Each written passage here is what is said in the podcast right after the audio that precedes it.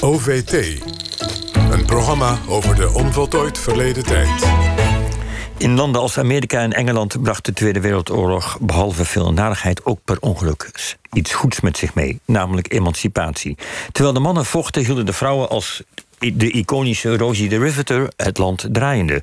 En de Nederlandse mannen hebben maar een paar dagen gevochten en toch bracht ook in Nederland de oorlog arbeidskansen voor vrouwen naar het schijnt. Ja, dat beschreef historica Alice Pechtel afgelopen week in de Volkskrant. Welkom Alice. Ja.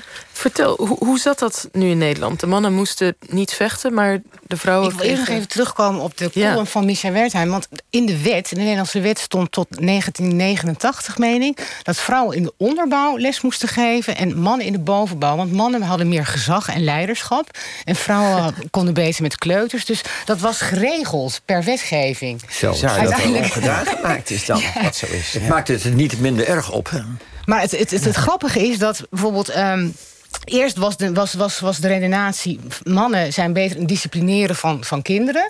en uh, vrouwen hebben te weinig gezag. Nu wordt door het feminiseren van het onderwijs... vrouwen verweten dat zij, niet, dat zij jongetjes in een strak keurslijf houden... en dat mannen meer, mannelijke leraren meer begrip hebben... voor jongetjes die moeten uitrazen en stoeien. Dus het is een omkering van de argumentatie.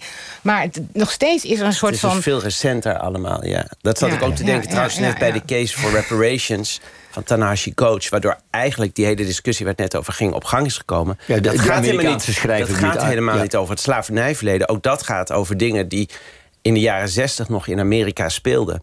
Dus de, de, doordat het gesprek dan weer geframed wordt... naar dat is allemaal heel lang geleden en er zijn nu gelijke rechten... wordt er ontkend wat er dus nu ook bij de vrouwengeschiedenis... wat ik dan nog niet eens wist dat het allemaal veel recenter is. En dat, er, dat, dat je eigenlijk gewoon reparaties en dingen recht kan trekken... voor dingen die in ons leven zijn gebeurd. Ja, dat vergeten we gemakshalve wel eens. Het is ook wel zo lekker natuurlijk om dat te vergeten. Maar goed, even terug, even naar, terug naar, die vrouwen in, in, de oorlog in Nederland. Want het verhaal is altijd, wij hadden dat niet. Uh, Amerika, nou, Engeland, Duitsland, wij hadden dat niet. En je hebt in de Volkskrant een stuk geschreven afgelopen week... waarin je zegt, we hadden dat wel. Nou, vertel eens. Nou ja, het, het is, sowieso is het dan... vrouwen eigenlijk bijna uit de geschiedenis worden geschreven. Ik bedoel, eh, heel vaak, dat is ook omdat mannen uh, altijd uh, geschiedschrijvers waren. En die, die hebben de eerste geschiedschrijving van na de oorlog gedaan. Dus uiteindelijk vielen die vrouwen niet op. Maar je kunt zeggen, bij, tijdens de arbeidsinzet dat zijn schattingen.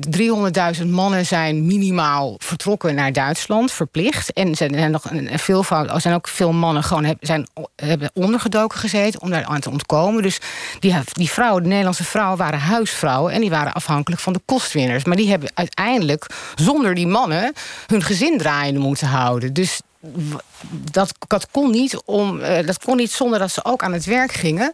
Dat was in het begin van die arbeidsinzet. Die Duitsers hadden wel inderdaad, eh, zoals je ook al zei, een sterke moederschapsideologie, maar niet voor de Nederlandse vrouwen, omdat zij baten hadden bij die mannen die naar Duitsland zouden gaan. Dus zij konden aangenomen worden met tijdelijke contracten. Nou ja, dat, dat, dat, dat, dat, waren vrouwen die bij spreken in fabrieken uh, gingen werken of in ziekenhuizen. Of, nou ja, goed, het was makkelijker onder de Duitse eh, bezetters te werken. Maar op een gegeven moment was het natuurlijk ook. De vrouw wilde natuurlijk ook niet voor zo'n de bezetters werken. Want die mannen werden afgevoerd. Er was steeds, een steeds repressiever beleid gevoerd.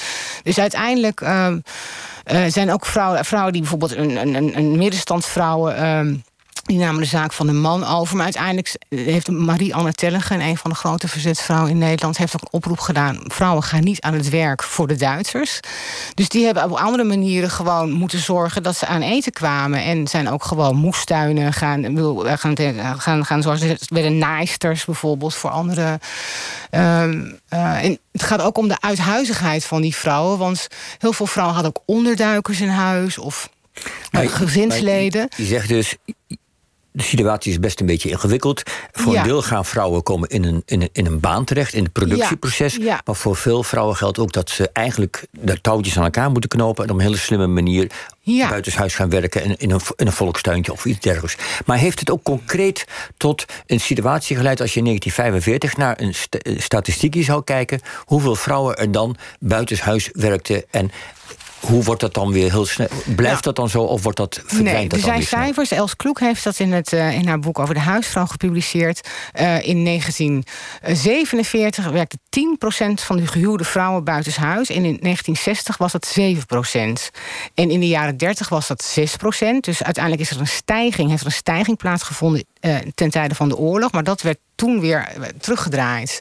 Dus uit, feitelijk kun je zien dat gewoon er een toename is geweest in de oorlog. En uiteindelijk. En tot verdriet van heel veel vrouwen. En die vrouwen waren ook, hadden ook gewoon ervoor gezorgd. Want zij dachten ook van ja, wij hebben uh, ook meegeholpen aan de bevrijding van Nederland. We hebben het land draaiende gehouden. Wij willen eigenlijk gewoon ook meer, uh, meer te zeggen hebben in de maatschappij.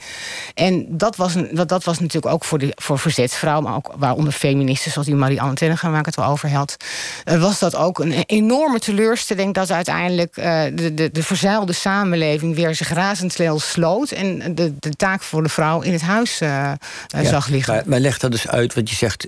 Wie, wie hebben dan besloten dat die vrouwen weer terug moesten naar het aanrecht? En dat wie, was wie, een, hoe, hoe, gebeurde dat? Nou, dat was een commissie van juristen die uh, uiteindelijk uh, over de, de, de, ja, de herstel van de, de, de Nederlandse rechtsstaat. Voor, die, die, die schreef dat, dat de, de taak van de vrouw binnenshuis lag.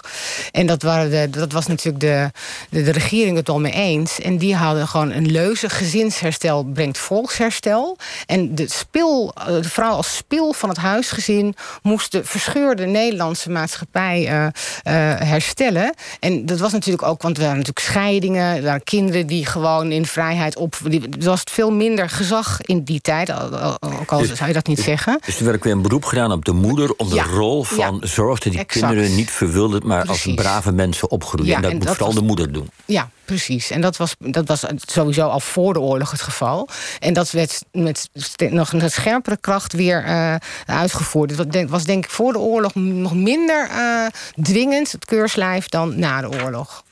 En Ja. vrouwen vonden dat, die vonden dat, ja, die vrouwen waren, waren feministvrouwen die teleurgesteld waren. Maar uiteindelijk hadden die vrouwen zelf ook het gevoel dat ze um, onmisbaar waren thuis. Dat had ook te maken met de nieuwe pedagogische inzichten die uh, kwamen. Het, het, belang van kinderen opvoeden. En dat was een, was een, was een psychiater, een Britse psychiater, dat heette, die heette James Bowley. En die had onderzoek gedaan dat kinderen zich alleen maar veilig hechten in de na directe nabijheid van hun biologische moeder. En de, dat, die, dat is de man van de hechtingstheorie. En die hechtingstheorie werd heel erg, uh, werd heel veel haar, waarde aangehacht gehecht in Nederland. En al die Nederlandse huisvrouwen kregen die ook uh, om de haverklap te horen via de, de Margriet. En moeder, het was een programma Moeders wil is wet. Uh, nou ja, dat was dan van de KRO. En dat was, die werd uitgezonden terwijl de, de, de, de man en kind de deur uit waren. En moeders de ontbijttafel moest opruimen. Toen kreeg zij een, een, een programma voor de kiezen. Met alle wetenschappelijke inzichten. Dus vrouwen waren ook heel bang om hun kinderen te schaden. Uh, uh, als ze zouden gaan werken. Ja, dat was de fameuze, voor wie het nog wat zegt, Mia Smelt. Moeders wil is het. ja. ja. Hey, en, en nou is in de jaren zestig is uh, in Amerika Rosie the Riveter als een soort vergeten feministisch icoon weer op het schild gehezen. Van god, dat was, dat was de, de vrouw tijdens de Tweede Wereldoorlog. Die, uh, die kon toen al werken. Misschien, misschien kunnen we daar weer op terugvallen. En, en, maar dat, dat in, in ons land hebben we dat natuurlijk nooit gehad. Maar is het belangrijk dat wij ons dit weer herinneren... dat uh, vrouwen toen meer hebben gewerkt in de Tweede Wereldoorlog? Zouden die weer als een soort... Nou ja, wat ik eigenlijk... Ik vond, ik vond, wat, wat mij op, op is gevallen uh, in de Tweede Wereldoorlog... er waren heel veel ook hele sterke verzetsvrouwen... die ten eerste in het, in het interbellum, zoals Hilde Verwij-Jonker... die Marianne Tellegen, die uiteindelijk uh, voor, de, voor de Tweede Wereldoorlog actief waren... en het feminisme, uiteindelijk ook in het verzet... Uh, heel veel betekend hebben. En uiteindelijk uh, waren die teleurgesteld. En het is ook een, mede aan hun te danken... dat ze uiteindelijk, dat zij, dat, dat uiteindelijk die vrouwen toch een rol hebben gekregen. Dus die Marianne Tellegen werd de eerste kabinetchef van de koningin, Wilhelmina. En die heeft uiteindelijk een lijstje gemaakt... met Margaret heeft ze naar voren geschoven. Hilde Verwij Jonker in de SER. Dus het werkt wel ja. degelijk om vrouwen op strategische plekken te hebben... die ook andere vrouwen, maar dat, daar schort het af en toe ook nog wel eens aan... naar voren schuiven. Ja, dus de emancipatie in Nederland ging via de elite... en niet via de arbeidersvrouw. Zullen we het daar voorlopig even bij Zeker. laten? Goed zo. Alice, dankjewel voor je komst. En voor wie meer uh, meer wil weten van deze geschiedenis, die moet nog even wachten. Want uh, deze herfst verschijnt je boek getiteld Zij in de